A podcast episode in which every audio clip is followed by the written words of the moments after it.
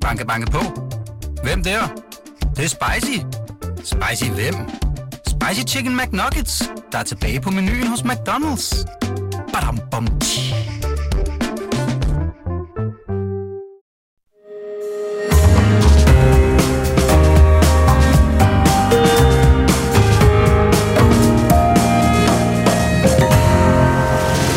Du lytter til Korto og Steno, en podcast fra Berlingske.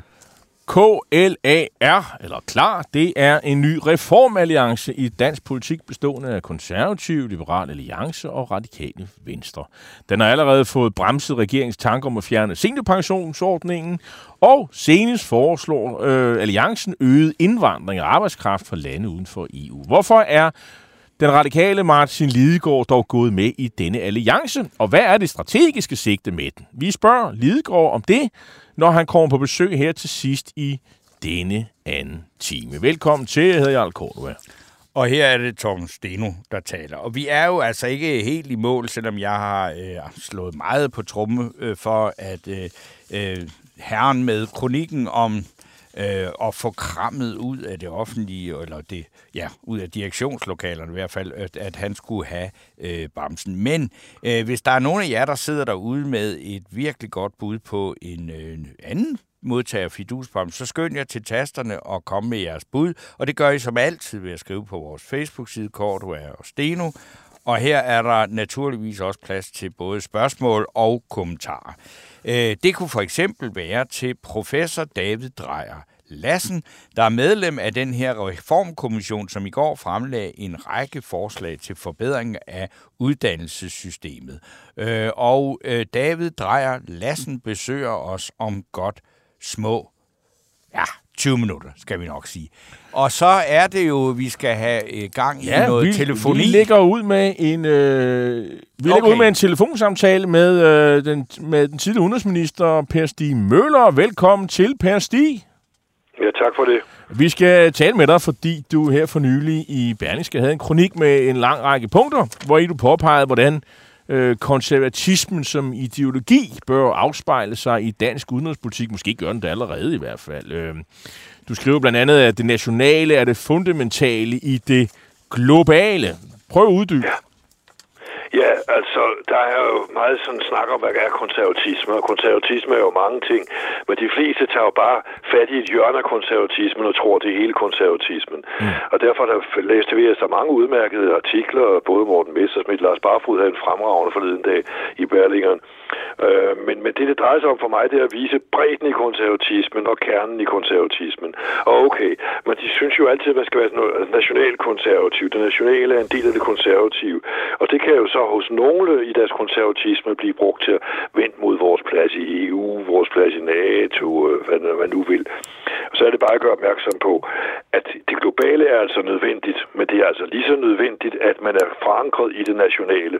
Det vil sige, man er ikke international, og så er internationalist, og så ser ned på det nationale. Det nationale er rent faktisk forudsætningen for, at man kan gå ind i det internationale. Ellers har man ikke noget at komme med, ellers kan man ikke påvirke det. Men er det ikke sådan de sidste par år, i hvert fald bortset fra øh, det, skal vi sige, øh, Morten Messersmith og Dansk Folkeparti, øh, så er der jo ikke rigtig vind i den der EU-rigide holdning med ud af EU og alt det der, og, opbakningen til dansk NATO-medlemskab og NATO-rolle har jo aldrig været større. Altså, så, så er det ikke et, er det ikke simpelthen et, et, et, et, det, der allerede er? Jo, heldigvis, heldigvis, men det kan jo vende tilbage igen. Altså, det ser vi jo ude omkring i verden, ikke? Der kommer jo altså også nationalkonservatisme, som glemmer det internationale, eller siger mig først, og jeg er nede med alle jer andre, så ved du godt, hvem jeg tænker på. Uh, så, så det er jo ikke forsvundet fra den konservatismens dagsorden, fordi der er nogen, der stadigvæk forsimpler det. Men, men, men, men det er fuldstændig rigtigt, at i Danmark er der jo siden slutter banket Socialdemokraterne ned der midt i 80'erne, både på EU-spørgsmålet og NATO-spørgsmålet. Så har der jo været konsensus om det. Men du kan se, altså i 80'erne var der jo ikke konsensus. Uh, du kan jo opnå den, risikere den splittelse igen. Og det er derfor, min pointe var med den her artikel jo ikke, altså noget af det er jo selvfølgeligheder, det siger sig selv, jeg opfinder jo ikke en helt ny konservatisme, vel? Nej, nej. Men ideen med den, ideen med, ideen med den var at præcisere nogle, øh, nogle, nogle, nogle grundtanker, nogle grundholdninger i konservatismen. Altså, øh, øh, nu har jeg jo lagt mærke til, at øh, der, er, der, er jo, der er jo faktisk flere partier, der ligesom øh, øh, tager patent eller forsøger at beskrive konservatisme. Der er selvfølgelig konservativ folkeparti, som du selv tilhører. Nye borgerlige, øh, de kalder sig også indimellem national konservativ. Og Morten Messersmith ser, øh, som har et, et, et, et slogan, der hedder Danskerne først, øh, tror jeg tror det hedder, valgsloganet. Og, øh, og, der, og der mener du ikke, at, at, øh, at det er øh, konservativt? Det, de jo, jo, det er en konservatismen, ikke, altså ikke, den nation, ikke chauvinismen, vel? Ja. Den skal derfor sætte jeg i sammenhæng med det internationale. Altså, mm. det nytter jo ikke noget at gå ind i det internationale og så sige ned med alle jer andre, for så, så har man jo ikke nogen den loyalitet, der er forudsætning, som jo også skriver i de her kerneord. Altså, allianceforholdene er jo helt afgørende for et lille land, mm. og det internationale retssamfund er jo også helt afgørende for et lille land. De store kan jo sagtens klare sig uden international ret, for de kan bare banke sig igennem. Det er faktisk en beskyttelse, som jeg skriver, EU er jo faktisk en gave til de små nationer. De store kunne godt løbe med det hele, som de gjorde før i tiden. Øh, og, og, og derfor er det vigtigt, at vi erkender os selv som en lille nation, men øh, hvad det betyder i virkeligheden i udenrigspolitik, øh, international politik, at man faktisk ikke er en stormagt, men er altså et lille land på toppen af kontinentet. Og derfor drejer det sig altså om at have de rigtige allianceforhold, de, de rigtige internationale forbindelser. Altså for at tage det helt konkret, altså hvordan skulle Europa klare situationen med Rusland, hvis ikke USA synes, de stadigvæk har en forpligtelse over for Europa. Mm. Den dag, altså vi internationalt set har brudt allianceforholdet, eller Trump har brudt allianceforholdet over Atlanten, så har vi jo en helt anden sikkerhedspolitisk situation. Og det viser jo bare, hvor der, og Danmark ligger så der ved Østersøen rigtig farligt sted i den situation. Øh, det viser bare, hvor nødvendigt det er, at man som konservativ, som øh, borgerlig er klar over, at internationale samarbejdsforhold er helt afgørende for Danmarks øh, eksistens. Og sådan har det jo altid været. Det har jo kun været i kraft af, at stormagterne ikke vil acceptere, at Sverige sad på begge sider af Øresund, at øh, Danmark eksisterer efter den store nedtur i 1800-tallet.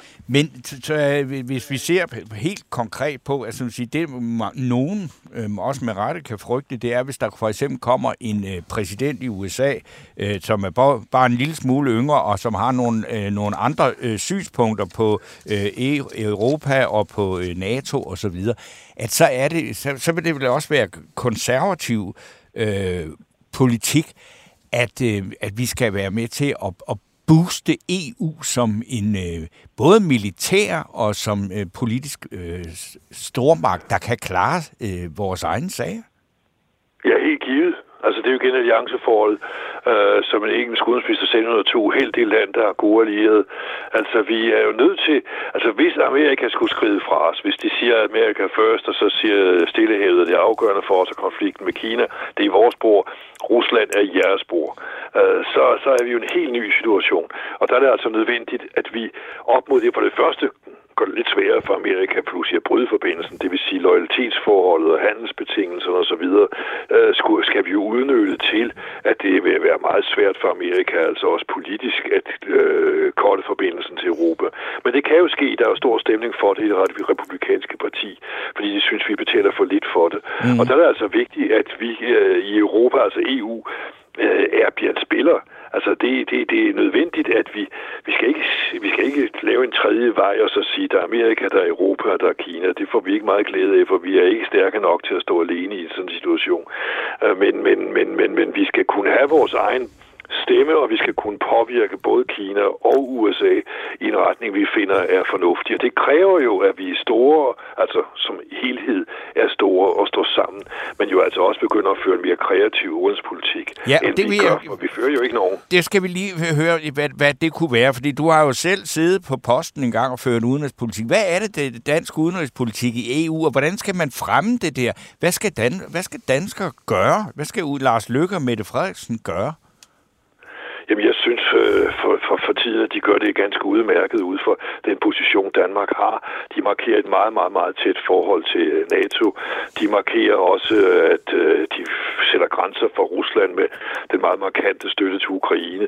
Og, og de markerer jo også med Mette Frederiksens ord, der må ikke komme et F4-ark ind mellem os og USA.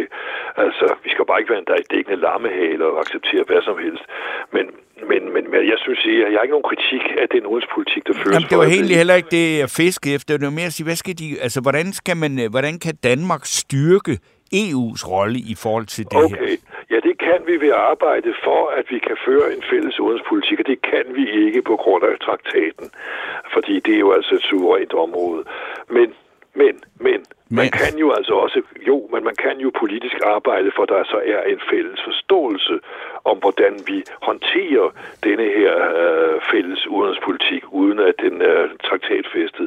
Man kunne jo, man kunne jo være enige om, jeg gennemførte det dengang, jeg var formand for EU ved en enkelt lejlighed, hvor Portugal øh, absolut ville forhindre os i at træffe en beslutning. Så, så sagde jeg, okay, okay, det kan vi så ikke. Og så spurgte jeg hver enkelt land, vi er I enige i det her? Ja, det var jo alle lande på nær Portugal. Så sagde jeg, okay, så gør vi altså alle hver for sig det her. Og så havde vi jo løst det problem, at vi ikke, øh, der var ikke var traktatfæstet. Altså, at man kan lave en aftale om, at der, vi kan ikke tvinge et land til en udenrigspolitik, det ikke har, men det land skal ikke tvinge resten til at have en udenrigspolitik, de ikke har. Og det vil sige, så en konstruktiv afståelse må man være indstillet på, for ellers kan Europa ikke levere med så mange lande, der er i EU, levere en, en global position. Per Stig Møller, jeg skal drille dig lidt, for du skriver, konservativ udenrigspolitik er pragmatisk idealistisk. Uden de idealer har man ingen retning. Uden pragmatisme kommer man kun derhen, hvor andre vil. Altså, øh, det var jo Lykke, der, så vidt jeg husker, der opfandt begrebet øh, pragmatisk nej, nej, nej, nej, nej, det har han for mig, kammerat. Nå, det har, nå, nå, nå, Du kan slå op i på side 46 i Udenrigsminister i krig og fred, der er det forklaret. Nå, Nå, okay. Så det, er, altså, det, så det vil sige, det er... Det du siger, det er, at Lykke han har anammet, øh, eller antaget, Nej, altså, øh, konservativ, øh, per Stig, konservativ udenrigspolitik i Per Stig Møllers aftapning. Er det det, du siger? Jo, jo, det er det jo.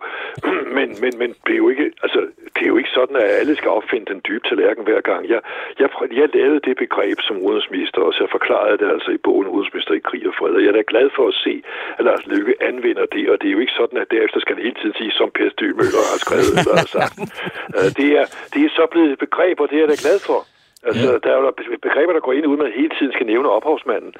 Så, så der er ikke nogen forfængelighed i det. Jeg gør bare opmærksom på, at det, det er altså en tanke, jeg har haft og beskrevet. Og det mener jeg faktisk stadig er rigtigt.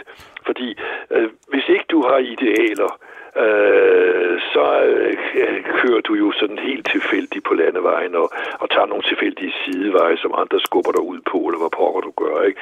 Øh, så du skal have sådan en, en, en, en, en værdier, øh, et ideal, du går efter. Og så kan du selvfølgelig sige, okay, her må vi så lige tage en omvej, her kan vi ikke komme frem for tiden. Her kører vi så stille. Her kører vi hurtigt. Og det er det pragmatiske. Øh, vi kan jo ikke forlange, og det er jo det, der er gået galt for Vesten i forhold til øh, den tredje, altså til, til Afrika og til Mellemøsten, at de er jo blevet rigtig trætte af vores belæringer. Ja. Og, øh, og det vil sige, der har vi glemt at være pragmatikere. Øh, så, så, så, så vi er selv, vi ikke at være pragmatikere, men være øh, moralistiske idealister, har vi jo fået isoleret os for to tredjedel af verden, og det er jo ikke så smart, eftersom verdens øh, befolkningssammensætning og økonomisk udvikling jo ikke forskyder sig i vores retning.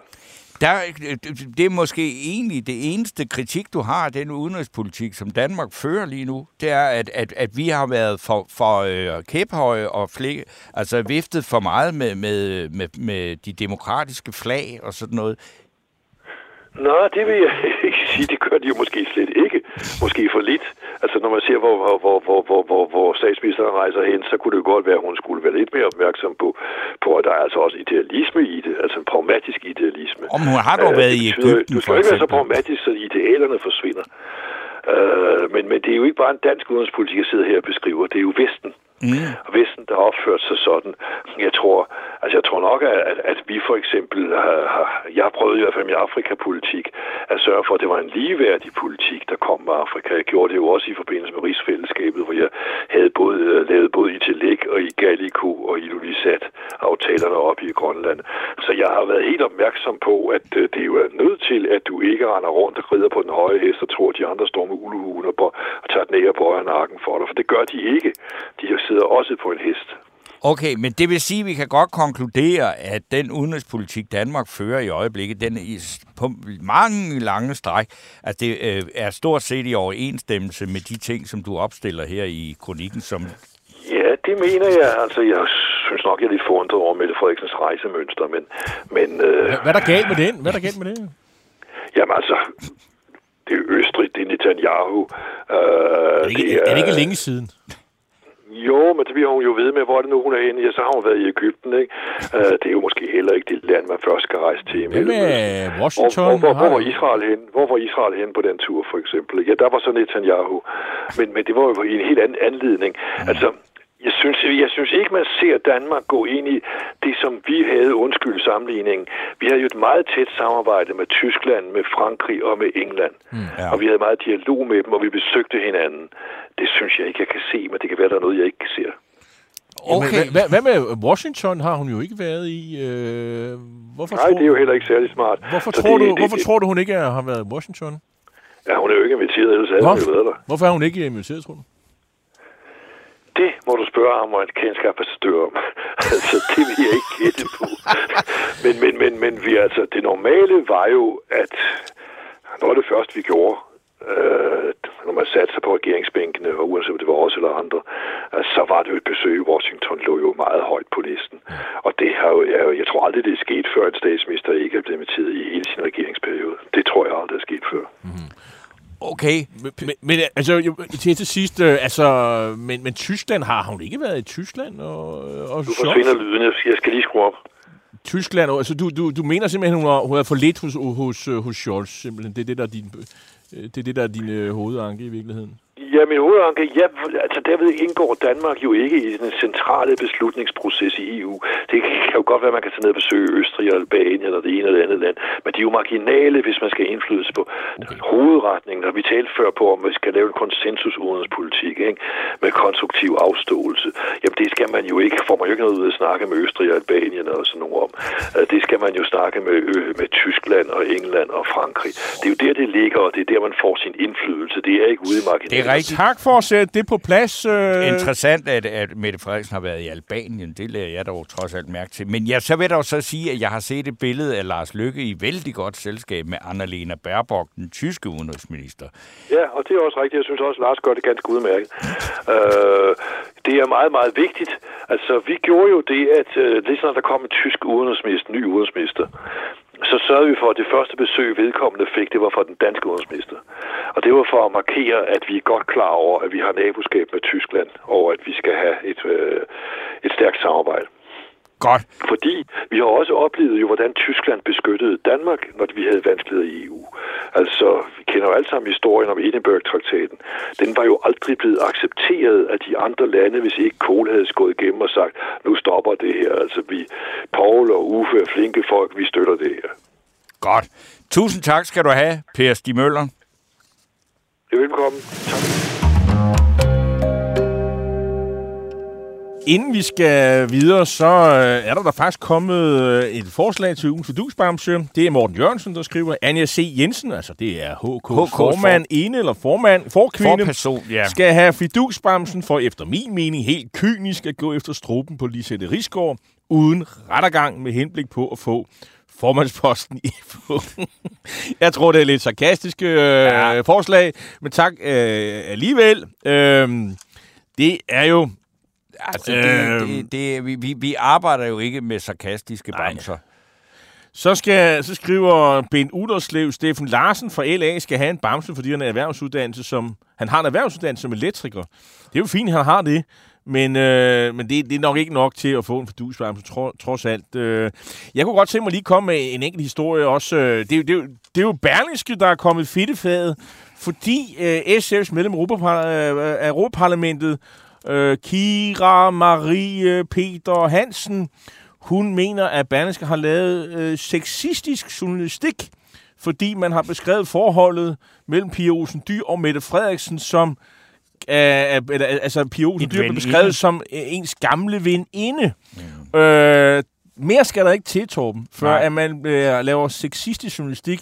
Så hvis jeg skrev et eller andet øh, fræk analyse om øh, en eller andens bondkammerat, øh, og det var sådan på herreholdet, det var så okay, kan jeg forstå, på Pia, øh, undskyld, Kira, Marie Peter Hansen, fordi Berlingske kommer lidt med det der eksempel. Øh, det, det er sådan til synligheden helt okay. Man er meget finfølende på det der venstreorienterede feministiske segment. Øh, lidt snart vi nærmer os et eller andet, hvor man kritiserer kvinder i, øh, i, i, i som, som har øh, de gyldne kæder, så er man meget, meget overfølsom, sy- synes jeg. Øh, øh, eller hvad synes du? Ja, altså jeg synes, det er, hvad skal man sige, det jeg vil kalde for hystadefeminisme. Ja. Øh, og det er der utrolig meget af. Og der er jeg også bare simpelthen så gammel, at der, okay, bare kald mig en gammel, øh, privilegieblind, hvid idiot eller et eller andet. Men det er så hysterisk, fordi der sidder altså øh, kvinder, der simpelthen bare leder efter et eller andet, de ja, kan blive men- generet af. Altså hold op. Men nu har Kira Marie og Peter Hansen, øh, Og jeg vil sige, altså, fået lidt Ja, opmærksomhed. ja, ja hvert det er, og det er da også klart, at man får da meget opmærksomhed på det. Men jeg synes altså, hvad er det, vi skal bruge det til? Altså, hvis vi, og der er efterhånden ikke nogen måder, man kan ytre sig på i det offentlige rum, hvor der er nogen, der hører, hvad det er, man egentlig siger, men kun om, hvordan det er måden, man siger tingene på. Og det er ikke noget godt debatklima.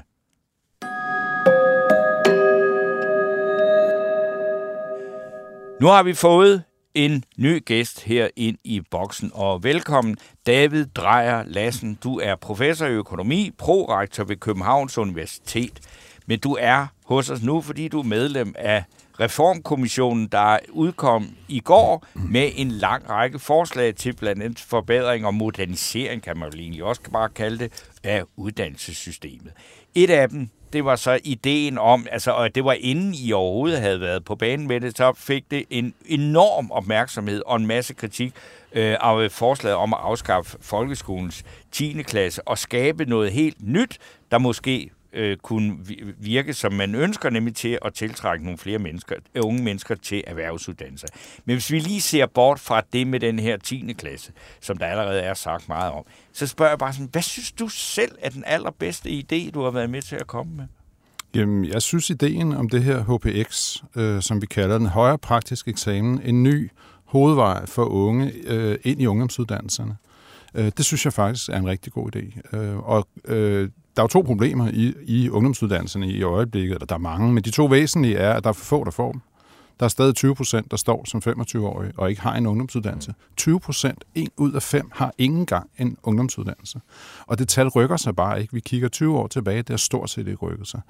Det andet er, og det sagde vi også i går, da vi kom med rapporten, at næsten halvdelen, 42 procent af dem, som enten har en studentereksamen, eller som øh, er faldet fra i gymnasiet, siger, at der er for lidt øh, praksiselementer, for lidt praktisk undervisning i gymnasiet. Og det var jo ikke det, gymnasiet var ment til. Mm. Så der er et eller andet med, at der er nogen, vi slet ikke får ind i, eller igennem systemet, og der er nogen, vi får det forkerte sted hen. Mm. Og HPX'en er et svar på begge de to. Ja, altså, altså, der var nogen, det hørte jeg i går, som nogle af reaktionerne, at der var nogen, der snakker om det praktiske gymnasium. Altså, er det noget, som du kan se for dig, eller er det en idé, eller er det bare noget, der bare sådan lige pludselig lyder godt at sige? Jamen, jeg synes, vi skal holde fast i det boglige gymnasiums dyder. Altså, vi skal uddanne folk. Øh, verden bliver mere og mere kompleks. Vi skal have folk ind på universiteterne. Vi skal have folk ud på professionshøjskolerne, der også har gået i det almene studieforberedende gymnasium. Og det er ikke der, vi skal begynde at lave alt for mange fiksfakserier.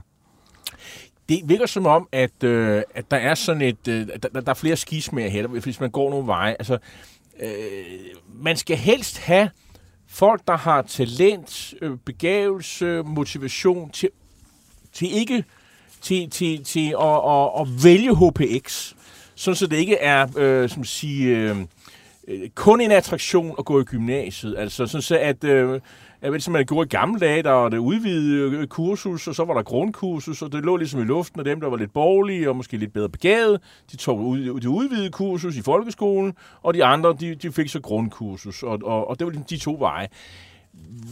Og, og det vil I ikke. I vil, I vil have at folk, der også har talent og begavet, og mange andre, de skal også ind på HPX.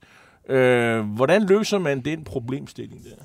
Jamen, jeg tror, altså det man ikke gør, det er, at man indfører et adgangskrav til gymnasiet. Mm. Fordi det vil bare øh, solidificere, eller hvad det hedder, det hedder det ikke, øh, gør det endnu mere solidt, det du For siger. krome. Forkrome gymnasieuddannelsen. Mm. Og sige, at det er det, som er det fine, det er det, der er status i. Og det er derfor, alle med høje karakterer skal søge derover, for ikke at spilde deres folkeskoleeksamen.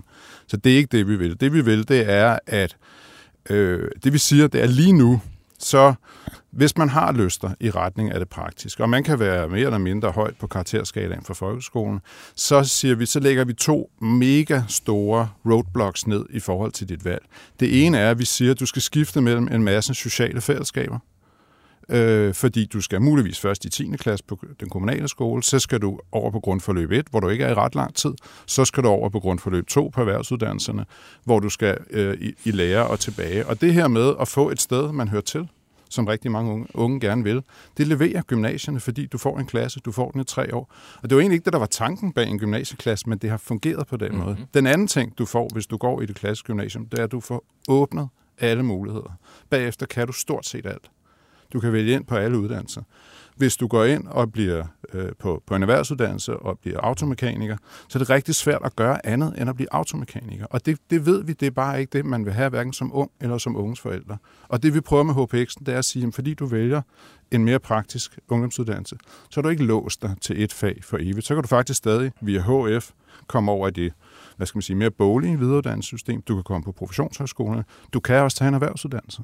Men så har du haft lidt bedre tid til at, at tage den beslutning. Så det vil sige, at man giver faktisk de, de man udskyder vel egentlig tidspunktet, hvor de, end, de, de unge skal vælge endeligt. Præcis. Og det, og det er jo det, vi effektivt gør med gymnasiet. Og det ved vi, det er en af grundene til, at folk vælger gymnasiet. Det er, fordi de ikke ved, hvad de vil. Så udskyder de det i tre år. Men, men skal det også være sådan, at den her HPX, det skal være et sted, hvor der også er skolefester, hvor man også kan møde piger, hvis man er, hvis man er en dreng, ja, eller hvis man er en pige, der er, der er til piger, lad os sige det på den måde, det er jo en moderne side, vi lever i. Er, er, er det også det, der har gymnasiet ligesom været, det sociale fungerer, der, er alt, der foregår alt muligt omkring gymnasiet, også der har gået gymnasiet man skal ligesom også have det der studiemiljø øh, på HPX'en. Præcis, og det er et, et meget godt eksempel på, at det nytter ikke, som nogen er ude at sige nu, ja, men vi skal også, og det er de jo så glemt i mellemtiden, vi skal også give erhvervsuddannelsen nogle flere penge. Det har man jo sagt i mange mm. år. Mhm. De materialiserer sig ikke, de der penge. Men pengene løser det ikke, hvis du ikke er der. Hvis du ikke går i en klasse, hvor der er et fællesskab. Hvis du går på en fuldstændig kønsopdelt øh, linje, fordi man meget, meget tidligt skal vælge, om man vil være frisør eller mekaniker, jamen så ser du ikke dem af det andet køn, mm. som du måske gerne vil danse med. Så det der med at få skabt og det er også derfor, vi er nødt til at lave en reform på det. Vi kan ikke bare køre videre med det eksisterende system og poste flere penge, Nej. for det er strukturen, der, der er problemet. Vi skal også snakke det lyder meget fornuftigt. Vi skal snakke om penge, David Drejer Lassen, fordi et andet Så godt, at han er økonom. anbefaling, det er, det er, der står altså, det offentlige tilskud til efterskoleophold for 8. 9. klasse trin, det skal øges, så enbetaling kan nedbringes. Ikke? Og det skal fungere som en gulderød, der får flere unge til at gå på efterskole tidligere.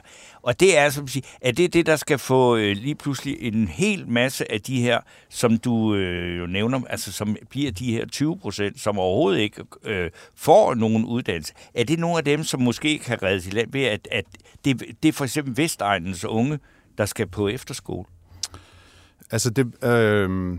Eller hvad er det? Da jeg var i den alder, der ja. var det jo sådan, at der var det faktisk dem, der havde det lidt svært, der kom på efterskole. Lige pludselig, når man gik i 8. og 9. klasse, forsvandt folk ud af fodboldholdet, fordi så blev de sat på en efterskole, fordi de var ved at, at ryge ud i noget, der var noget råd. I noget snavs. Ja. Og det har flyttet sig. Mm. Det må vi sige. Når vi ser på sammensætningen på efterskolen nu, så er det helt, helt omvendt. Mm. Så det som, som øh, altså ideelt, så, og det er jo også det, vi siger, samlet set, så fjerner vi jo ikke en krone fra efterskolernes budget. Så vi lader faktisk 3,5 milliarder stå inde øh, i i, øh, til efterskolerne. Men vi beder dem om at omkalfatre den måde, de gør det på. Vi vil gerne have, at der er flere, der kommer i 8. og 9. klasse. Vi vil gerne tillade, at man får et år, et unge år, i, i det, der tidligere var 10. klasse, hvor man kan dyrke sine kammeratskaber og sine, sine øh, lyster. Vi vil også gerne bede efterskolerne om dels at måske tage et lidt mere større socialt ansvar, og det er også det, vi prøver at hjælpe til med at rykke på egenbetalingen, sådan at dem med få indkomster de kommer til at skulle betale mindre. Dem med højere indkomster kommer til at betale lidt Du siger, at efterskolen skal tage et større socialt ansvar, og, men, men altså, de, det, summa summarum, så får de de samme penge, som de hele tiden har gjort. Hvordan skal de så tage et større socialt ansvar? Hvordan skal det udmøntes? Jamen, det, det kunne jo være ved at arbejde med, med det, man, man tilbyder øh, unge mennesker. Øh, man kunne også gøre det ved, og det opfordrer vi også til, at samarbejde eventuelt med de her HPX-uddannelser. Vi ved, der er nogle enkelte steder, hvor der faktisk er efterskole, kostskole, lignende konstruktioner for tekniske skoler. Og det fungerer rigtig godt. Og der er frafaldet rigtig lavt. Og det er det blandt andet, fordi man får de her sociale fællesskaber, som man gerne vil have. For det er jo det, efterskolerne kan. Og det er også det, vi fuldstændig anerkender. Der er ikke nogen, der taler om at fjerne efterskolerne. Det, det, det, altså hvis nu sad og var sådan øh, efterskolemand og, og hørte på det her, og øh, efterskolerne har jeg indtryk af, det, det, det, det, det har været en succes i, i mange år så lyder det som om, at øh, de skal gøres lidt mindre attraktivt for de stærke elever øh, og folk fra middelklassen, øh, og, og, og så skal det være mere attraktivt for folk, der kommer fra familier, hvor man måske har udfordringer. Øh, og alt andet lige, så vil det gøre det mindre attraktivt overordnet at gå på, efter, på en efterskole, fordi øh, altså, der er måske ikke helt den samme fest, som der er i dag. Altså, kan du forstå, hvad jeg mener? Jeg kan godt forstå, hvad du mener. Ja, der er ikke den samme, den kammeratskabsgruppe, man mm. i gåsøjne, nu siger det lidt hårdt betalt for at møde, mm. den kan måske ændre sig lidt. Ja. Og det er jo den samme diskussion. Øh, nu sad jeg selv i det udvalg, som skulle foreslå nye øh, elevfordelingsregler øh, for gymnasierne, mm. som i øvrigt jo kuldsejlede her øh, senest, da, da den nye regering kom til. Ja. Og det er jo den samme problematik. Man vil gerne have børn. Børnene, de unge vil gerne selv gå sammen med nogen, der ligner dem. Deres forældre vil gerne have, at de går sammen med nogen, der ligner dem. Mm. Og, og der må man bare sige, når man er en del af en offentlig sektor og får et relativt stort tilskud, og, og måske endda i det, vi foreslår, øh, undslår sig eller, eller slipper for at skulle skære. Der er jo mange steder i den offentlige sektor, lige snart der vi åbner posen, så skal man også finde nogle penge. Det, det er jo ikke det, vi beder dem om. Vi beder dem bare om at tænke på, kunne man gøre det her på en måde, sådan vi får flere med, fordi og det er på, jeg tænker det for at sikre efterskolerne, mm. fordi jeg synes, det er, det er øh, væksten er, har været ret markant. Hvis den vækst stiger, øh, så er det stadig de velbjergede, det er stadig dem fra, fra øh, de veluddannede hjem, der kommer på efterskole mere og mere. Og det bliver mere og mere et eller andet sted, synes jeg, politisk uholdbart. Men der er vel også øh, et øh, ret øh, godt argument her at sige, at efterskolerne må tage, påtage sig et socialt ansvar. Det har de jo gjort historisk. Øh, altså, min egen farfar lærte at læse og skrive, øh, på, da han var på efterskole i i, i, øh, i, i begyndelsen af 30'erne. Det havde han ikke lært i den stråtægt øh, i Jylland, hvor han kom fra. Altså, så, så, og det var faktisk det, de gjorde. Altså det med almuen skulle, skulle dannes. Øh, og der er lidt lille element af det her, har jeg indtryk af. Øh, eller har jeg misforstået noget her? Nej, men, men, men altså, jeg, jeg, jeg synes egentlig bare, at vi tager efterskolerne på ordet og siger, ja, det er en rigtig fed oplevelse for unge mennesker at komme på efterskole. Mm. Men hvorfor har vi så indrettet det på en måde sådan, at det er de velbjergede og veluddannede børn, der kommer der? Mm. David Drejer Lassen, det er ikke noget, som kommissionen har sådan direkte lavet nogle forslag på, men du nævner det, og det, jeg synes jo, det er nogle uhyggelige tal, det er de her 20 procent, som overhovedet ikke har noget som helst øh, at stå på i forhold til at komme ud på erhvervsliv, altså at, at blive en del altså, med et voksent arbejdsliv. Og, øh, altså, og, og man har snakket om det i overvis hvad man skal gøre ved det. Og det her, sige, det kan måske hjælpe en lille bitte smule på det, men, men helt grundlæggende, så skal der vel noget helt andet til for at få de der 20 procent, altså for det tal væsentligt bragt ned. Jo, altså vi vil håbe, at man med en HPX, hvor man netop, altså vi ser, og det ser vi faktisk alle steder, også i det sociale system, at ved, ved skift, der falder folk fra. Når, når de skal skifte fra 9. klasse til, til en 10. klasse skole, når de skal skifte fra en 10. klasse skole til erhvervsskolerne, så er der altid så er der sådan en, en uh, leaky bucket. Så er der sådan en... en det, vi skal prøve at sige det på dansk. Ja, jeg ved det godt. Men så er, der, så er der nogen, der ryger fra, fordi at det er svært at se sig selv i det her med at skulle hen et nyt sted. Ja. Og det er derfor, vi gerne vil have, at der er færre af de her skift. Vi vil gerne have, og det er det, HPX'en skal byde, byde ind med, ikke? At, at efter 9. klasse, så går man faktisk et sted i to år, hvor man ikke hele tiden skal ud et sted, finde nye venner, øh, orientere sig i, øh, i nye øh, sociale fællesskaber. Og øh, det tror vi faktisk kan være en del af det. Og så hører det også med til historien, altså der er jo en række særordninger for folk, der har øh, altså det kan være svære diagnoser eller lignende, og dem bibeholder vi jo. Altså det er jo ikke noget, der blev brugt meget krudt på i går, men, men der er de her hjørner, man skal ud til folk, der har brug for det. Øh, blandt andet for eksempel 10. klasse for folk med autisme. Mm-hmm. Det får lov at køre videre, fordi det øh, opfylder en rigtig vigtig rolle allerede nu. Hvis, hvis det her bliver implementeret ved det tror jeg meget af det gør, Øh, forestiller man sig så, at det her bliver sådan nogle øh, campus, øh, taler på engelsk ord, der findes ikke noget på dansk. Altså, sådan, øh, campus. Et, et, campus. Øh, altså, det vil jeg egentlig sige. Øh, altså, er det, er, det, er det der, vi kommer hen? Fordi så skal man både have frisører og folk, der skal øh, læse... Øh, smede og elektrikere og alt sammen, øh, så herrer møder unge, unge kvinder og så videre og så videre, og altså, der er det her miljø. Øh, ja. Lige så vel som det var i gymnasiet. Over på Bornholm har man jo faktisk allerede lavet den model. Der har man både erhvervsskole og gymnasium sammen. Øh, er, det, er det, I forestiller mig? Jamen, der er det. Det, find, det findes nogle steder, og der ja. kan man sige, det har historisk været geografien, der har betinget, at man ja. var nødt til at lægge tingene sammen for at få et, øh, en skala, så man kunne drive en skole. Øh, og, og gøre det bedre, og netop få den der. Jeg tror, campus-oplevelsen er vigtig. Mm. Men det er også dyrt, fordi det, det, det lyder som om, det er nogle store investeringer, der også skal laves i bygninger og sådan noget. Jo, men altså, det er jo ikke noget, der skal ske fra i dag til i morgen. Og hvis man tænker lidt over, hvad bygningsmassen er, øh, så kan man jo flytte sig øh, stille og roligt og få det til at virke på den måde. David Drejer Lassen, øh, professor i økonomi og medlem af Reformkommissionen. Tusind Og tak fordi... prorektor ved Københavns. Universitet. Tusind tak, fordi du tog dig tid til at komme øh, og, og tale med os her i dag. Tak for det. Banke, banke på. Hvem der? Det, det er spicy. Spicy hvem? Spicy Chicken McNuggets, der er tilbage på menuen hos McDonald's. Badum, bom, tji.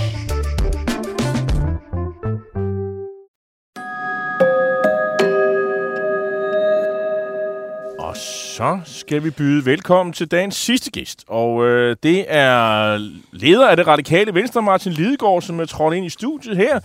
Velkommen til programmet, Martin. Tusind tak. Det er lang tid siden, ja, de her. det er så godt at se dig. Ja. Og, øh, og du er her, fordi øh, du er jo en del af den her Klar Alliance, KLAR. Øh, den nye reformalliance i dansk politik, kalder jeg. Og, øh, og det, som sagt, består det konservative, liberale alliance, det radikale, venstre. Og I har allerede fået bremset regeringens tanker om at fjerne seniorpensionsordning. Tillykke med det, i øvrigt. ja, tak. Og, øh, og nu foreslår I også øget indvandring af arbejdskraft fra lande uden for EU. Det lyder som en radikal mærkesag. Og jeg burde egentlig sige tillykke at få overtaget især de konservative til det. Det synes jeg, der er et stort øh, bidrag. Så, men hvad er det, sådan, det, det, det strategiske sigte? Hvad laver I egentlig med de borgerlige, Martin? Jamen altså, det det er lidt insinuerende, at her er der vinder og tabere og så videre. Det, det er nok for tidligt. Det her er udtryk for vores overbevisning. Jeg tror faktisk alle tre partiers overbevisninger. Mm. Øh, og det er jo rigtigt nok, at forhåbentlig har vi da fået sat en stopper for ideen om at lave en Arne Plus pension. Og det var jo det, vores ærne var. Mm. Regeringens idé var jo, du ved, at, at hæve Arne Plus en lille smule, og så skære i seniorpension, og det skulle så komme sølle 2.500 i øget arbejdsudbud ud af. Ja, det På meget. hele det tilbagetrækningsområde, som burde være motoren i reformeringen af det danske arbejdsmarked. Og der har vi jo så foreslået øh, sammen, at man i stedet for øh, udfaset efterlønnen og den nuværende Arne-pension, og beholdt seniorpensionen, der er målrettet de nedslidte. Det vil jo altså give en helt anden arbejdsudfægt, måske 10 gange så meget øh, i omegnen af, af 25.000 i arbejdsudbud. Og det er rigtigt, at det har så fået regeringen til lige at stoppe op og tænke sig om, men hvad der bliver konklusionen på det, ved vi ikke, for det vil nok være sådan, det gætter jeg mig til i hvert fald, at i regeringen vil der være lidt forskellige holdninger til det. Ja. Øh, og det er rigtigt nok, at, øh, at Socialdemokratiet vil selvfølgelig nok historisk set vil have svært ved at, at røre efterløn og Arne. Omvendt vil Venstre og Moderaterne der forhåbentlig have svært ved at lade være. For der skal der komme et eller andet på bordet for den her reformregering, tænker vi. Skulle man tro. ja. Øh, man kan jo ikke anden lade være med også, eller læse det lidt, ligesom at sige, at øh, hvis der var nogen, der skulle have glemt, at de øh, radikale har en borgerlig side, så øh, kan man da så se den nu ved, at I er gået sammen øh, med, med de to partier. Og en af de ting, som I så øh, også peger på, det er, at det skal være langt lettere og hurtigere at ansætte international arbejdskraft. Men er det dit indtryk, at regeringen har et problem med det? Altså i hvert fald har deres minister, øh, Kåre Dybvad, været ude og, og, og, og gå meget, øh, lidt til min overraskelse, ærligt talt. Ja, han, direkte- lytter, nem- han plejer at høre det her ja, program. Du kan altså, tale direkte gået til ham. meget øh, imod det, fordi det her øh, er jo faktisk et forsøg på fra alle tre øh, klar partiers side at sige, hele den udlændingepolitiske debat i Danmark har jo fuldstændig forpestet debatten om international arbejdskraft. Og skulle vi nu ikke skille de to ting ad? Også selvom vi har nogle nuanceforskelle på, på udlændingepolitikken. Så det med at sige, at danske virksomheder, og i øvrigt også den offentlige sektor, i den grad har brug for at tiltrække kvalificerede folk udefra, og det har ikke noget at gøre med udlændingepolitik. For det har det vidderligt ikke. Fordi det der er jo grundideen her, som vi foreslår i fællesskab, øh, alle tre partier, er jo at sige, jamen de folk, der kan forsørge sig selv, som ikke har været kriminelle, og som i øvrigt over, kan man sige, lever op til danske regler og overenskomster, hvorfor skulle de ikke have lov til at være her? I det ligger jo så også, vil jeg sige, nu er de konservative her ikke til at sige det, så nu siger jeg det for dem. Selvfølgelig også, at hvis man ikke kan forsørge sig selv, jamen så er man jo ude igen. Øh, og det er jo den store forskel, kan man sige. Så der er jo ikke noget på den måde udlændingepolitik. Men i forvejen har man jo sendt det der synes, øh, beløb, man skal tjene for at kunne være her. Det er jo blevet sat ned øh, væsentligt allerede. Og, og så til, er det 375.000 om året, man skal, man- man skal tjene, og der vil I have det 15.000 kroner yderligere ned. Ja, altså de tre mest bemærkelsesværdige ting, vi foreslår, som regeringen ikke har foreslået, det er for det første at sætte det ned til 360.000, mm. men permanent. Altså den aftale, der ligger nu, den øh, skal genforhandles, og der ligger noget konjunktur indbygget i den. Så det, der er nyt, er, at alle virksomheder, og det tror jeg betyder meget for virksomhederne, kan nu, hvis man fulgte vores forslag, rekruttere international arbejdskraft, og skulle ikke sige til dem, så må vi lige se om tre år, hvordan reglerne er, øh, og justere, og måske kan vi ikke beholde jer. Det andet, vi foreslår, er så, at man mens sagsbehandlingen pågår, Ja. øh, vil kunne tage medarbejderne til Danmark og have vedkommende arbejdende på sin virksomhed. Og det er jo fordi, vi tænker, at der er jo ikke nogen virksomhed, øh, der tager folk op og får dem til at arbejde. Det er ret omkostningsfuldt jo for en virksomhed at gøre det, hvis ikke de øh, om så sige, overholder reglerne, og, og vi tjekker jo stadigvæk, øh, om folk rent faktisk overholder reglerne. Og det sidste, vi så har, det er jo simpelthen en afbyråkratisering, kan du sige. Øh, Det er jo et ord, altså jeg har aldrig hørt nogen, der har sagt, at vi skal have mere af det. Nej, nej. Men nu, og så har vi det der Jo, men det, meget spagfærdige forslag, som handler om, at, at når man har fået altså folk, der, der, der sidder i venteposition øh, i forbindelse med ægtefællefamiliesamføring, at de kan få lov til at arbejde, mens de venter på afgørelsen. Så det er det, vi, vi foreslår. Og, altså, det er i og for sig bare sund fornuft, ikke? Og derfor undrer det mig også, at, at øh, Dybvad har været så hård mod Men, men 30.000 kroner om måneden, det er det, man må tjene. Ifølge jeres forslag, der skal være permanent. Det, det er jo ikke... Der er, jo- der er mange job, hvor man får 30.000 Ja, kroner det, det om brutto skal du lige huske. Det, altså, det er Brutto? Ja, ja, det inklusiv skat, pension og så videre. Ja, og Ja, så er det faktisk, pension. ja, det vil sige, så er det faktisk vel sådan 27.000 eller Ja, sådan noget. Sådan noget. Og det er, jo, det er jo mange jobs, hvor man kan få den øh, løn, ikke? Altså, vi, vi har været inde og kigge på øh, jo meget konkret, hvad, altså for eksempel sådan som sosu medhjælpere, mm. som vi mangler rigtig mange af. Ikke? Ja, ja. Og de er jo dækket ind af vores forslag, i hvert fald. Okay. Øh, så har vi jo en, en positiv øh, liste, hvor der slet ikke er nogen beløbsgrænse i dag. Øh, man kan sige, vi havde en diskussion, det kan vi godt sige, det er jo ikke fordi øh, os tre partier er 100% enige om alting. Nej. Men det er her, vi har kunnet mødes, også for at gøre det let for regeringen at række hånden ud og sige, her kunne man altså med et slag øh, hæve arbejdsudbuddet med 25-30.000 og med et bredt flertal, og så kunne man jo investere alle de penge i, øh, i det, man gerne, også gerne vil, nemlig uddannelse, klima, skattelettelser, vil øh, min gode ven Alex øh, var Armstrong ja. nok sige, hvis han stod her, og det, det, det kan vi jo diskutere efterfølgende. For os har det været vigtigt, at vi fik en anden profil på det samlede reformprogram. Altså i dag har regeringen jo lagt hele hovedmotoren i uddannelse og børn. Det det, det er dem, der skal levere arbejdsudbuddet, og så bruger man pengene på de ældre generationer og det demografiske træk. Vi synes, at vores generationer, der sidder her om bordet, altså plus 50, øh, godt kan levere lidt mere, sådan vi kan investere i vores fremtid. Øh, det synes vi, der er god brug for, når vi kigger på den verden, vi kigger ind i uddannelse, børn, klima. Men altså, nu vi tager dit, altså, ja, så, så vidt jeg har hørt, for eksempel Moderaterne og Monika Rubin og sådan noget, de jo, altså, de er jo helt, det, kunne, det kunne lige så godt være noget, de har foreslået, de her, for eksempel når det drejer sig om læger og sygeplejersker og sådan noget fra tredje verdens lande. Ikke? Altså, jeg ved så heller ikke, hvorfor de så ikke har brugt deres enorme flertal og alt, hvorfor har de ikke øh, gjort noget ved det endnu. Men det er jo ikke, det er jo ikke voldsomt kontroversielt, vel? Altså, øh, Det er faktisk enig med dig i, og det er også derfor, jeg, altså, vi, vi, vi synes jo, det her er en udstrakt hånd. Jeg ved godt, at der er enkelte af jeres kollegaer, der til min store overraskelse har sagt, det her det var en stor hjælpende hånd til Mette Frederiksen. Altså, jeg, det her er jo et, et rimeligt forslag. Øh, lad mig lige nævne en ting, som jeg også nævnte for statsministeren forleden i, øh, i spørgetimen. Hvis vi tager de folk, der i dag går på efterløn, jeg ved jo godt, det er en historisk varm kartoffel efterlønnen, mm. men den er blevet meget forandret, og der er meget stort frafald allerede nu. Dem, der er tilbage, når man spørger dem selv, føler du dig nedslidt? Er der 12-13 procent, der svarer ja. Resten er sådan set på det, man kunne kalde en forsikringsordning for velstillede. Og der siger vi bare, hvis bare de mennesker vil arbejde på samme niveau, som man gør i Norge og Sverige, så kunne vi faktisk generere en masse arbejdskraft og en masse penge, vi kunne investere i vores fælles fremtid. Jeg synes ikke, det er sådan et ekstremt forslag. Jeg synes, det er lige til at gå til, hvorfor Moderaterne og, og Venstre ikke øhm, bare omfavner det. Det må du jo spørge dem om. Ja, det er klart, men jeg, jeg synes bare, jeg, jeg kunne lige så godt have s- set det fra et papir fra Moderaterne. ikke? Enig?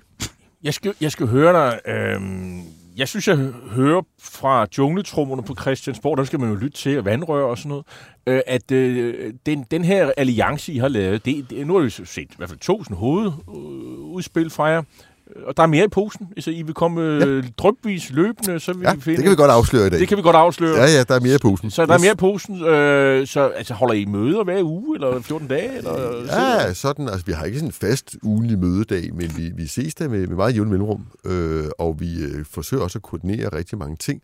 Det skyldes dels øh, noget indholdsmæssigt, altså vi er meget enige om det her, og det er vi også med de ting, der kommer øh, senere. Øh, og så skyldes det selvfølgelig også, at hvis vi skal have succes med at få det igennem, så øh, kræver det også, at vi holder lidt mere sammen, Ja. end vi måske har gjort før. øh, fordi vi tænker, vi er jo nok dem, som regeringen skal lave sine reformer med. Men vil I sådan gå til forhandlinger sammen og gå derfra sammen? Vil I forhandle sammen eller hver for sig? Vi vil lægge op til, at vi på de områder, vi har spillet ud her, får lov til at forhandle sammen. Okay. Det er det, vi gerne vil.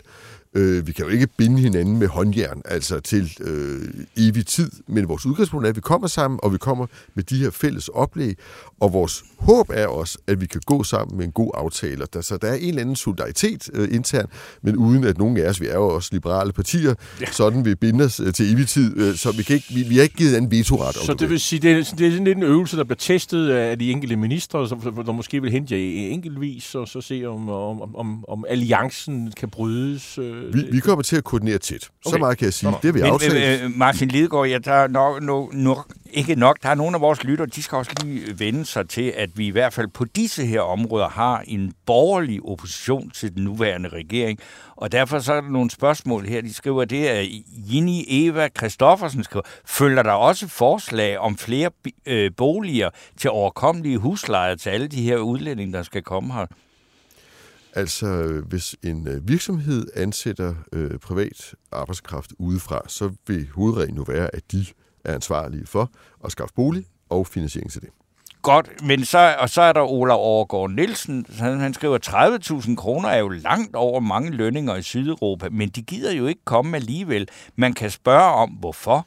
Og så skriver han, at han gerne vil give svaret. Det har han så ikke gjort nu, men har du et svar på det? Nej, men det er jo rigtigt nok, at øh, altså, det bliver meget sværere at rekruttere kvalificeret arbejdskraft ud fra. Ja. Øh, sådan en land som Polen, som vi før tog 10.000 vis af folk fra, de importerer jo nu selv arbejdskraft, yes. fordi de mangler det. Så der er simpelthen efterspørgsel, og det er også derfor, vi går ligesom ud over Europas grænser nu, ikke? Og, mm. øh, og siger, at hvis folk gør det opfører sig ordentligt, og øh, går på dansk overenskomst, øh, så, så ved vi bare, at danske virksomheder tørst efter for dem nu øh, er du gammel udenrigsminister, og øh, jeg kan jo se øh, i dag, og mens vi taler, så har Troels Lund Poulsen jo, han har, han har et presmøde, hvor han jo siger, at der skal smides 38 milliarder øh, kroner i, i, i forsvaret. Øh, er I med på det? Altså, at... Øh... Jeg kommer lige derfra, øh, ja. og vi har jo lige haft en lille omkonstituering hos os, fordi at Sofie Carsten Nielsen jo er gået til Dansk Industri, og, øh, og jeg er øh, her i foråret i hvert fald, forsvarsordfører, mm. øh, fordi det er så stor en forhandling, vi skal i gang med. Ja, det er vi selvfølgelig med på. Det er en uomgængelig opgave. Men de 38 milliarder ligger jo inde i maven på øh, det generelle løft, vi får af forsvaret til 2%. Og der skal vi også huske, at vi frem mod 30 går fra at bruge 30 milliarder cirka om året på dansk forsvar til at bruge 50 milliarder om året. Øh, indfasningen har vi ikke set regeringens bud på, men der kan du sige, at de her 38 milliarder, øh, det er jo så over 10 år i alt. Det er ikke 38 milliarder om året, mm. trods alt. Så det, det, det skal der være råd til, men vi tænker jo inden for den overordnede ramme, som altså bliver, nu kan jeg ikke lige regne ud, men det er jo næsten selv, altså jo øh, tæt på, på, altså mellem 50 og 100 milliarder øh, over de kommende Det er mange penge. Ekstra penge. Det, der, der er ikke meget tilbage af, af, af, af, af den gamle radikale pacifisme, kan man sige. Jamen, når verden... Konstaterer jeg bare. Ja, det er, men, fordi, jeg synes, det er sådan, jeg blev jo tit skudt i skoen, og var det ikke forkert at tage den der fredsdividende efter mm. murens fald. Det synes jeg ikke var forkert, for der var et andet trusselsbillede, og vi havde brug for de penge til at investere i den dansk sundhed, i dansk klimaindsatser, i dansk uddannelse. Men når så verden forandrer sig, og trusselsbilledet forandrer sig, så skulle det også være et mærkeligt politiker, hvis ikke man sagde, så har vi en ny opgave i forsvaret, og det har jeg det helt øh, fint med. Men, men, nu, men nu, jeg, ved, jeg har jo set, at du har jo, øh, når du ikke har været medlem af Folketinget, så har du været engageret i Concito og, og klimakampen osv., hvad vil du sige til de vælgere, som synes, det er godt nok underligt, at vi bruger alle pengene på, på forsvaret og, og ikke så meget på, på klimaet?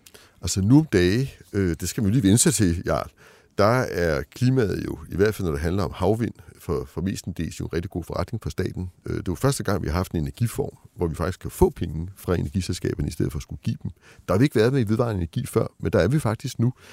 Øh, og så vil jeg sige, at når det handler om forsvaret, så synes jeg, vi så jo gerne, at 5% af de penge, vi skyder ind i forsvaret, nu går til teknologiudvikling, som kan blive brugt på alle mulige dele af det danske samfund, også det grønne. Øh, amerikanerne er meget optaget af det grønne for, at, at, at, at alle kapaciteterne bliver mere selvkørende også med solceller og så videre. NATO ønsker et grønnere forsvar. Øh, jeg synes, Danmark skulle lave verdens første grønne flåde, sammen med Mærsk og andre gode aktører. Så der er masser af de her dagsordner, hvor klima og militær øh, udvikling kan gå hånd i hånd. Det, grøn krig, simpelthen. Det, Grønt forsvar. Det, det lyder som om, det er sådan et fint blad, I har, for ligesom at få det hele til at glide ned. Nej, er, er, hvis man er lidt kritisk, hvis man tillader mig at være det. Jamen, prøv at høre. Vi skal jo have et moderne forsvar. Vi skal jo ikke have et forsvar som det, vi havde i Det giver, jo ikke meget, 1980. det giver jo ikke meget mening at sige, at vi skal have et umoderne Nej, nej, nej, nej, forsvar. men det er bare for at sige, jeg ser jo i ånden, mm. at vi får et højteknologisk forsvar, for jeg tror ikke, ligesom inde på sundhedsvæsenet, vi, vi får ikke markant mere personel i forsvaret, end vi har i dag, ligesom vi desværre ikke får markant flere sygeplejersker eller læger, for de er ikke derude på arbejdsmarkedet. Og derfor bliver hele øvelsen jo at få et robust dansk forsvar, der baserer sig på, at hver enkelt soldat kan mere, end de har kunnet før. Det er vores vision for det. Så, så det er ikke for at, at gøre det mindre eller have et fint Jeg, jeg tør godt sige, at vi skal have et stærkere forsvar, men jeg så meget gerne, at vi kombinerede med nogle af de andre sikkerhedsudfordringer, vi har. Klima, øh, uafhængighed af, af Ruslands energi. Prøv at høre, mens vi står her, importerer EU og Danmark stadig 10% af sin gas fra Putin. Vi poster Det- milliarder. Det troede jeg var overrasket det er de jo, fleste mennesker. jamen, jamen, det er jo skamfuldt. Jeg troede, han havde lukket det hele ned. Jeg synes, det er jo skamfuldt. Han har lukket ned til 10 procent. Mm. Det var det, der var ved årsskiftet. Det kan have ændret sig siden. Men, men det vil sige, at vi poster stadigvæk milliarder af penge ind i Putins krigsmaskine, samtidig med, at vi skal opbygge vores eget forsvar. Mm. Så de her ting hænger jo sammen.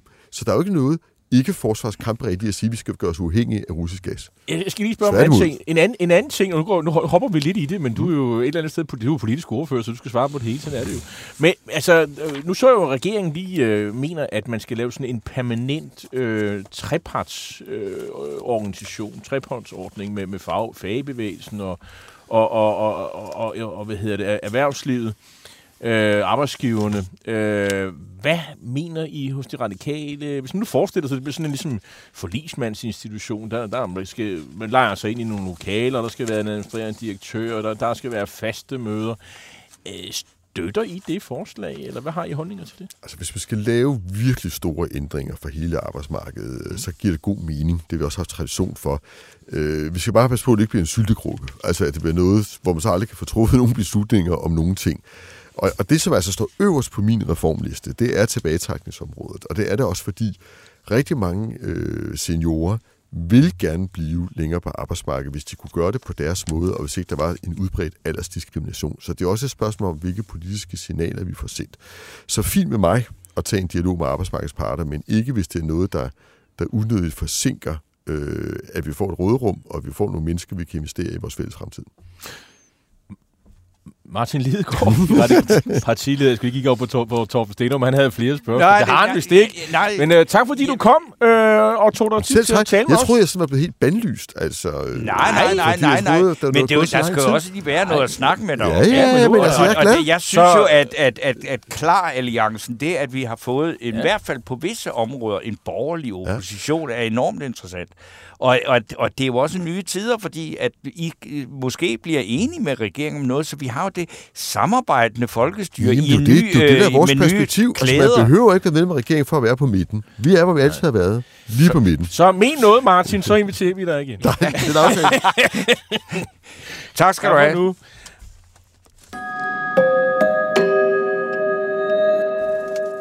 Der Ja, er... vi kom lidt vidt omkring, men det, jeg synes alligevel, at han, han skulle, vi, vi, det krævede lidt, hvad han, hvad han mente. Men altså, de radikale, de er altså også med til at bruge en masse penge på, Ja, på forsvaret. Øh, og jeg, jeg synes, øh, altså vi har jo lige, øh, hvad skal vi sige, to, lige lidt over to minutter tilbage, inden at vi siger tak for i dag, mm. og i morgen øh, skal fejre den historiske Stor Bededag, ja. fordi det er sidste gang. Øh, det kommer ikke til at, at, at påvirke mit liv ret meget, om den er afskaffet eller ej. Jeg har stort set altid holdt fri, og jeg har som regel glemt, at det var Stor Bededag. Ja. Jeg ved ikke, hvordan du har det med Jeg det. har et særligt forhold til Stor Bededag, fordi det var den dag, jeg selv blev konfirmeret. Nå. Øh, og min søn skal som endt også konfirmeres i morgen. Mm. Øh, så det vil jo være historisk at kigge tilbage på den. Øh, og så ved jeg ikke, så skal vi jo stadig have vide, har du været ude og købe hvede? Øh, ø, er, Nej. det, er det ølandsvede, du, nej, ølandsvede, du bruger Jamen, til jeg at har aldrig, hveder med? altså, det der veder, det har, altså, jeg, øh, det har aldrig, det har ikke spillet nogen stor rolle i mit liv, og kommer ikke til det. Øh, og det var i hvert fald heller ikke noget, der fik mig til at gå på gader og stræder og men- protestere imod afskaffelsen af Nyd- øh, Store Hvidedag. Ny, Det, nyd nu den øh, store ved, altså hvid mand, øh, Men- store veddag. Hvid mand, ja, ja, så jeg synes, vi, vi har jo altså lige et øh, minuts penge tilbage til at få ja. afgjort, om der skal en bamse ud. Det synes jeg, der skal. Og, og jeg, jeg, vil, altså, jeg gentager, at jeg synes, at Jesper Olsen, formand for Transparency International ja. Danmark, ekstern lektor i offentlig ret for indlægget, lader os få krammet ud af det professionelle rum. Jeg vil sige, det er en, øh, det er en hård kamp. Mm øh, han er i gang med. Og jeg tror heller ikke på, at det lykkes, men jeg vil egentlig godt premiere det, fordi at Jesper Olsen på den her måde har givet øh, mig, ikke mindst mig, øh, mulighed for at kunne øh, ride en kæphest. Mm. Fordi jeg synes, altså, hvis vi kunne få gjort øh, det moderne danske kultur lille smule mindre jovial og lidt mere, øh, at der godt må være noget alvor i det, og at vores udtryk for øh, sympati og øh, med øh, fremmede mennesker kan komme til udtryk på en anden måde end det der øh, venskabelige pseudokrammeri. Alex Brøndbjerg sad bag knapperne. Forhen den. Øh, Bamsen? Øh, Emil Bundgaard, Emil Bundgaard Nielsen øh, var ham, der sørgede for, at vi havde notater og, og, og fik gæster på plads, øh, og de gjorde det rigtig godt.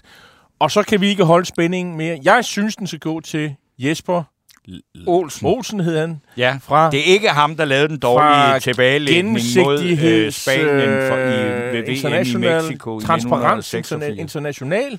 Øh, tillykke med det. Øh, jeg håber, I, I, I, I lytter med igen i næste uge, og god øh, stor bededag til jer alle sammen. Banke, banke på. Hvem der?